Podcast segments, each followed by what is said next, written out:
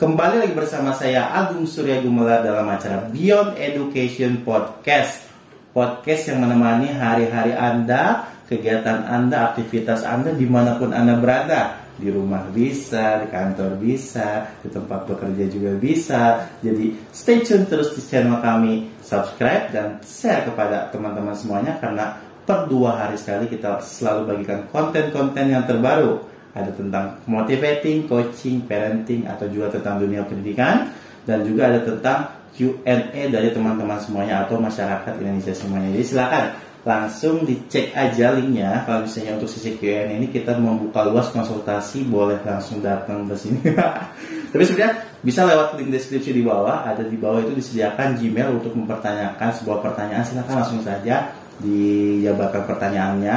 Dan nanti pertanyaan tersebut kita akan bahas kita akan balas melalui video Beyond Education Podcast seperti itu. Jadi konsepnya ya silakan bertanya linknya di bawah ada. Terus di bawah juga linknya ada link WA Telegram itu adalah link grup di mana teman-teman bisa langsung mendapatkan informasi terupdate karena kita selalu update per harinya di sana. Dan ada juga link artikel artikel-artikel yang bermanfaat yang gratis. Mau disebarin boleh mau dicetak boleh nggak apa ya silakan langsung saja dikunjungi. Di situ ada blogspot.com blogspot.com dan juga kita tersedia di Spotify. Spotify itu uh, radio online ya radio online seperti misalnya di kalau di Apple kan nggak ada Spotify. Ada di Spotify ada ada tapi kalau di Apple ada namanya Apple Music Apple Podcast atau misalnya di Android Spotify juga kami tersedia di sana. Dengan kata kunci Beyond Podcast silakan langsung saja didengarkan untuk informasi-informasinya. Baik pada siang hari ini bersama dengan Pak Doni. Halo teman-teman semuanya, gimana Gung? Sekarang lagi seru nih Pak. Apa nih yang seru? Anak-anak mulai masuk sekolah. Oh. ospek. Ospek ya. Gimana tuh Gung? Pernah ngalamin ospek nggak? Oh saya sering Pak dulu Pak. Sering ya. Gue di SD, SMP, SMA ospek dulu itu. Oh gitu. Iya. Makanya kayak begini nih. Kalau saya cuma di zaman SMA doang ada ospek. Iya. Kadang-kadang kalau misalnya ketika ospek itu momen-momennya orang tua itu kayak uh, peduli banget gitu ya. Karena anaknya yeah. mau masuk sekolah gitu. Benar. Iya gitu kayak uh, wah apa-apa disiapin. Nah, sebenarnya kalau menurut Agung ya yang namanya ospek itu tujuannya sih? Untuk mengenalkan sekolah sih pak Nah, tetapi kenyataannya kalau di lapangan bagaimana? Tapi kalau di lapangan kan gini, banyak permintaan-permintaan aneh gitu. Nah, itu. Makanan-makanan yang membuat perhatian orang tua itu uh, lebih besar gitu. Nah, itu. Berarti kan apa yang menjadi tujuan awal tidak sesuai ya iya. dengan kenyataan di lapangan gitu. Iya, jadi uh, sepertinya sih orang tua pedulinya pas ospek dong gitu. Iya. Setelah udah selesai ospek ya udahlah anaknya biarin aja belajar. Benar, benar. Nah, jadi kayaknya kepedulian orang tua juga enak nih dibahas materi kayak gitu. Ya penting, penting. Karena biasanya momen-momen tertentu doang nih orang tua peduli sama anak. Iya. Momen mau masuk sekolah, mm -hmm. momen dipanggil sama guru BK. Nah itu, kalau ada masalah. Kalau ada ya, masalah, nah, itu. jatuh sakit atau tabrakan harusnya kecelakaan. Itu momen-momen. Jadi bagaimana sih Pak kepedulian orang tua itu berpengaruh pada anak itu seperti apa sih Pak? Ya sangat berpengaruh, terutama bagi masa depan anak ya. Karena bagi orang tua yang tidak peduli dengan anak-anaknya, ya sudah bisa dipastikan ya masa depan anak-anaknya ini akan menjadi bermasalah. Karena apa? Karena yang namanya anak ini pasti sampai kapan pun membutuhkan peran dari orang tuanya dalam membimbing mereka. Nah, tetapi kalau orang tua sudah tidak peduli ya akibat mungkin aktivitas mereka di luar yeah. ya kesibukan mereka hmm, kerja kerja hmm. ya mungkin niatnya baik ya kita sebagai orang tua ini tugasnya mencari nafkah ya ingin mensejahterakan kehidupan anak benar yeah. itu saya setuju banget sebenarnya yeah. tetapi kalau sampai kita tidak mau meluangkan dari sedikit waktu yang kita miliki hmm. untuk anak-anak kita hmm jadi anak-anak kita ini akan sulit bisa memiliki ikatan yang batin yang kuat kepada orang tuanya. Hmm, ikatan batin yang kuat itu yang penting. Benar, benar. Karena apa? Karena kan anak ini membutuhkan misalnya tempat di mana mereka bisa curhat. Ya. Terutama ya kepada orang tuanya gitu. Mereka butuh teman cerita gitu kan Nah, tetapi kalau mereka tidak memiliki ini semua, mereka malahan sulit menemui orang tuanya. Akhirnya sudah, mereka tidak lagi memiliki ikatan batin yang kuat kepada Kuat. orang tuanya. Hmm. Karena kan ikatan batin yang kuat ini ada dasarnya dong. Hmm, harus kontinuitasnya Benar. tinggi gitu ya. Karena adanya interaksi Hmm. yang rutin antara orang tua dengan anak. Ya jangan sehari perhatian sehari enggak. Nah benar, benar. Kontinuitasnya harus terus. Benar, benar. Kadang kan kita baru perhatian sama anak kalau anak dapat masalah. Iya. Yang benar, yang anak itu sulit dia bisa mengatasi oleh dirinya sendiri gitu. Dan akhirnya ya sudah. Nah, tetapi kan ketika anak baru punya masalah, kita mau berinteraksi dengan anak kita, ya sudah. Anak kita bisa-bisa di luar sana selalu bikin gara-gara. Untuk apa? Untuk mencari perhatian orang tuanya. Karena orang tuanya selama ini nggak peduli gitu. Hmm. Pedulinya kalau anak ini baru bikin masalah. Oh, jadi dia merasakan bahwa membuat masalah itu adalah sebuah keuntungan bagi dia. gitu. Benar, benar. Karena gua kalau nggak ada masalah, orang tua gua perhatiin gue nih. Gitu. Nah itu, nah itu. Parah banget ya. Nah di sini kan anak-anak juga ini ya mereka tidak bisa misalnya berpikir seperti layaknya orang dewasa gitu. Iya, betul. Mereka memiliki kesulitan gitu Hmm. untuk menceritakan yang menjadi isi hatinya mereka Iya, ya kepada orang tuanya ya kan.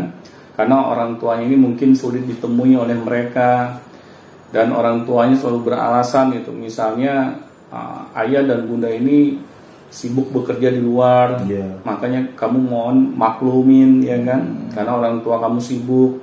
Jadi kamu bisa dengan guru-guru kamu di sekolah saja. Nah, sedangkan guru-guru anak-anak kita di sekolah saja, mereka ini sudah memiliki banyak kesibukan gitu. Mereka tidak hanya ngurus anak-anak kita saja. Nah, akhirnya kan anak-anak kita ini semakin dia tidak punya teman untuk bercerita. Tidak ada solusi yang Tidak ada solusi. Iya, jadi bingung. Meskipun masalahnya kecil ya, Benar, benar. dia juga nyari solusi siapa nih ya. Benar. Nah di sinilah makanya orang tua itu dituntut kepeduliannya Bung Iya. terhadap anak-anaknya. Malahan ketika anak kita nih memiliki masalah yang ya baru inilah baru masalah yang sepele gitu. Ketika orang tua mau terlibat di situ, akhirnya kita dapat mencegah masalah yang lebih besar. Nah, tetapi kalau dari masalah yang sepele saja kita sudah nggak peduli gitu Nah. ya, kita membiarkan gitu. Iya, dirasa anak itu bisa mengatasinya, Nah, itu. padahal mah harus tetap didampingi gitu. Ya didamping kita sebagai orang tua bukan yang mau menyelesaikan masalah anak-anak Iya. kita. Hmm. Kita hanya jadi tempat untuk tektokan misalnya. Betul. Jadi anak kita bisa mengajak orang tuanya ini untuk diskusi gitu. Hmm. Nah tetapi kalau dia nggak punya teman diskusi, ya bagaimana dia dapat menyelesaikan masalahnya kan dengan baik? Iya.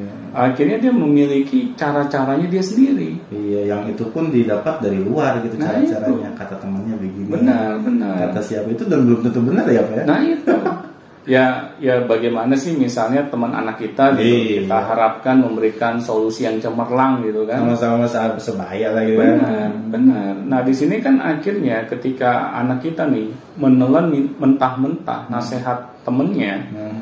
Dan akhirnya itu menjadi bumerang ya buat anak kita Hmm. akhirnya bagaimana coba Yang rugi siapa? Ah. Orang tua juga. Iya. Nah kadang kan orang tua nggak sadar Iya. dengan hal itu gitu. Biasanya kan kita ketika ada masalah yang besar saja, baru deh perhatian kita Hmm. itu tergerak gitu Iya. untuk anak kita. Ya, ya, perhatiin dulu ya anak kita ya, bla bla bla. Benar, Bah, Kalau lagi kena narkoba. gitu. Nah itu. Nah kan parahnya kalau sampai kejadian yang memilukan hati ini Hmm. yang harus terjadi terlebih dahulu gitu Iya. untuk menyadarkan para orang tua. Nasi udah jadi bubur ya, Pak? Nah bukan jadi buburan, udah gosong. Ayo. Nah di sini gitu kan kita sebagai orang tua memang dituntut gitu Hmm. kepedulian kita. Kita sendiri kan yang ingin punya anak. Hmm. Tetapi ketika anak sudah dihadirkan di keluarga kita, ya selayaknya ini deh kita diberikan amanah gitu ya berupa anak. Apa sih tanggung jawab kita terhadap sesuatu yang diamanahkan? Kan harus kita jaga. Iya. Kita tidak boleh lengah gitu. Hmm.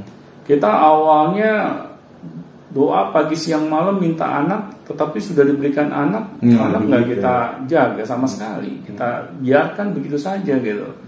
Malahan kita serahkan kepada pihak luar untuk mendidik anak-anaknya. Hmm. Ya kan nah di sini kan akhirnya menjadi masalah.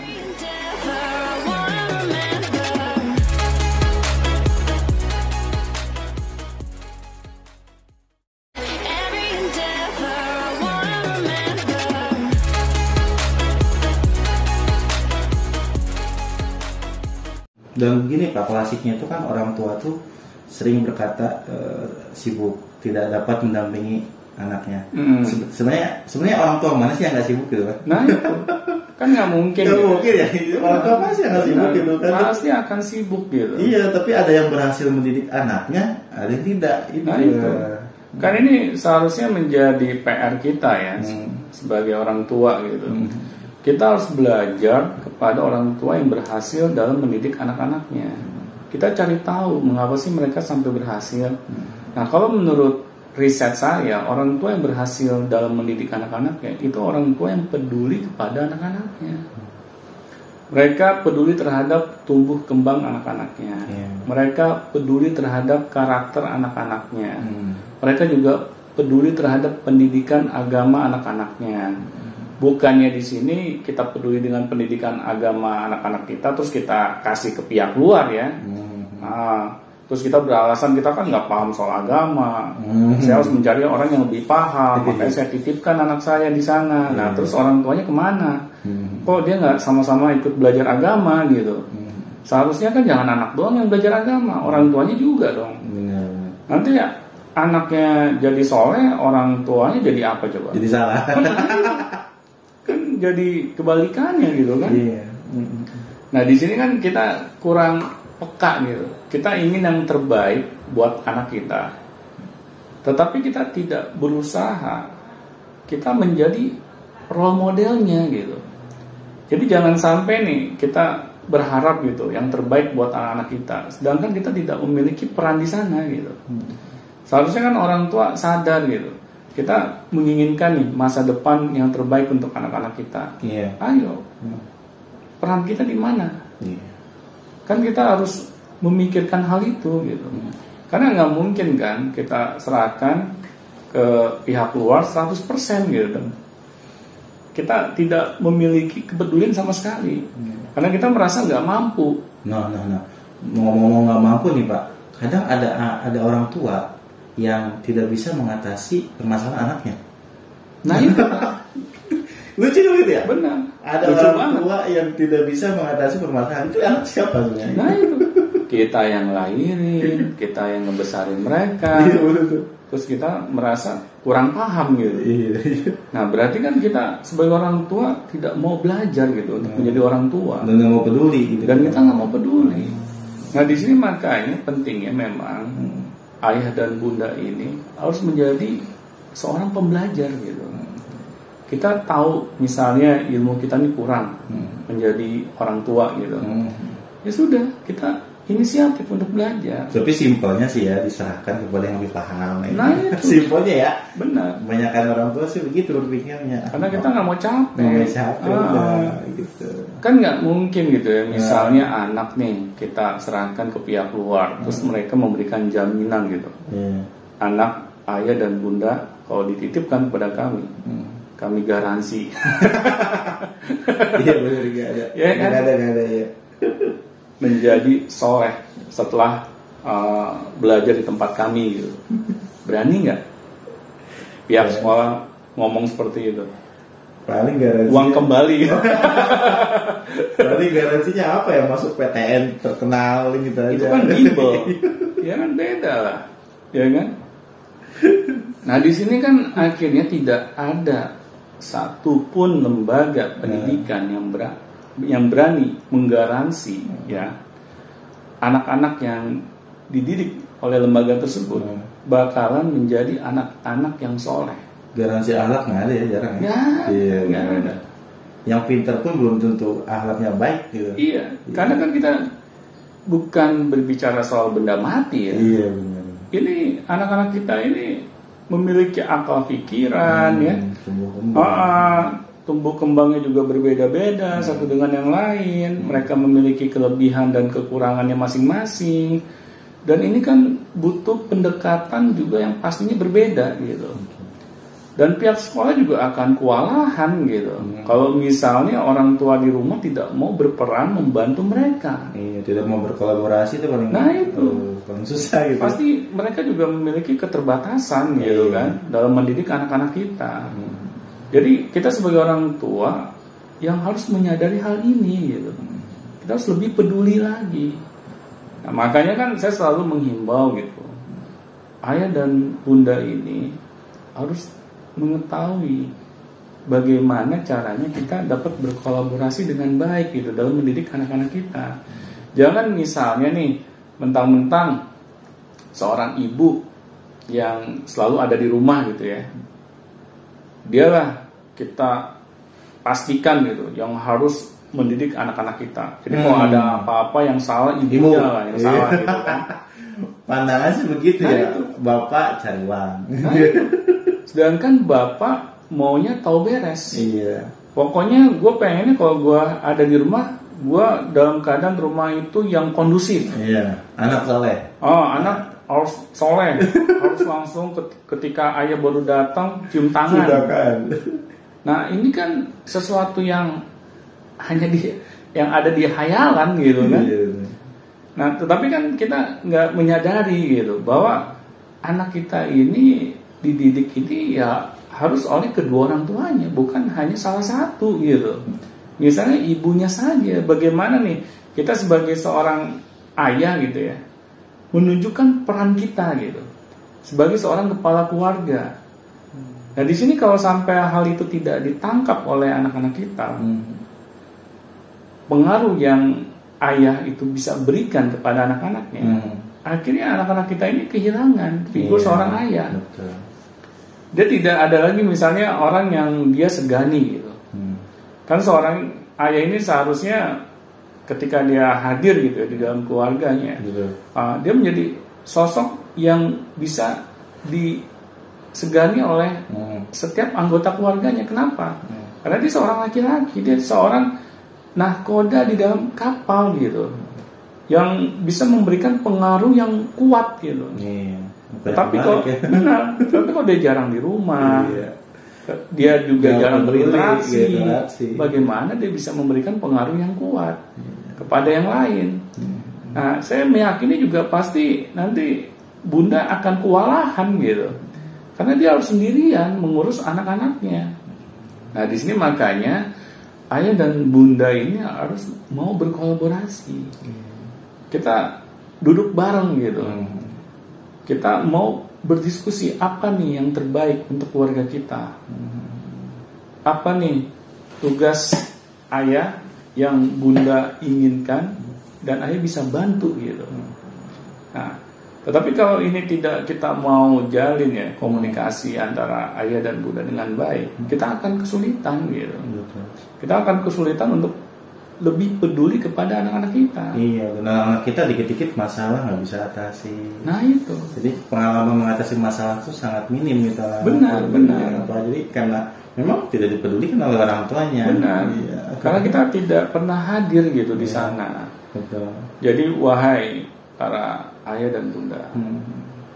tingkatkanlah kepedulian kita kepada anak-anak kita. Hmm. Karena kalau bukan kita, siapa lagi?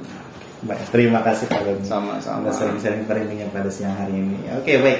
Ayo Bunda, jangan lupa ya. baik semuanya, kalau misalnya ada yang ditanyakan tentang sesi ini, silahkan langsung tanyakan saja di link deskripsi di bawah sudah disediakan semuanya. Link Gmail, link Telegram, link WA, dan juga link untuk melihat eh, apa eh, artikelnya. Silahkan langsung diklik saja. Dan sampai jumpa di video education selanjutnya. Sampai jumpa.